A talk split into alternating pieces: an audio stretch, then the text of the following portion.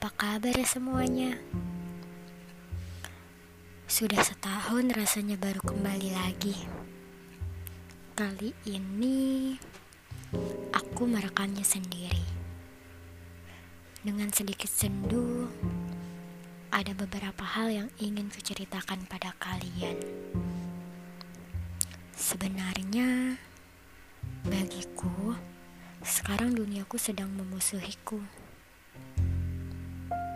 Beberapa waktu belakangan ini, aku sudah berkawan dengan rasa sakit, rasa kecewa, dan juga air mata. Aku telah dihianati, ditinggal sendirian dengan luka yang tak lagi bisa kuobati sendiri. Dunia begitu kejam ya. Saat orang yang kusayang ternyata mengkhianatiku. Aku merasa duniaku sudah kiamat.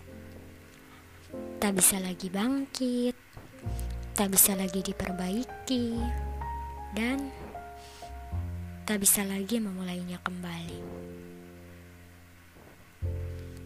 Mengapa manusia bisa sekejam itu, Tuhan? Pundakku tak lagi kuat menahan beban ini. Kakiku tak lagi bisa menahan ini. Aku rapuh.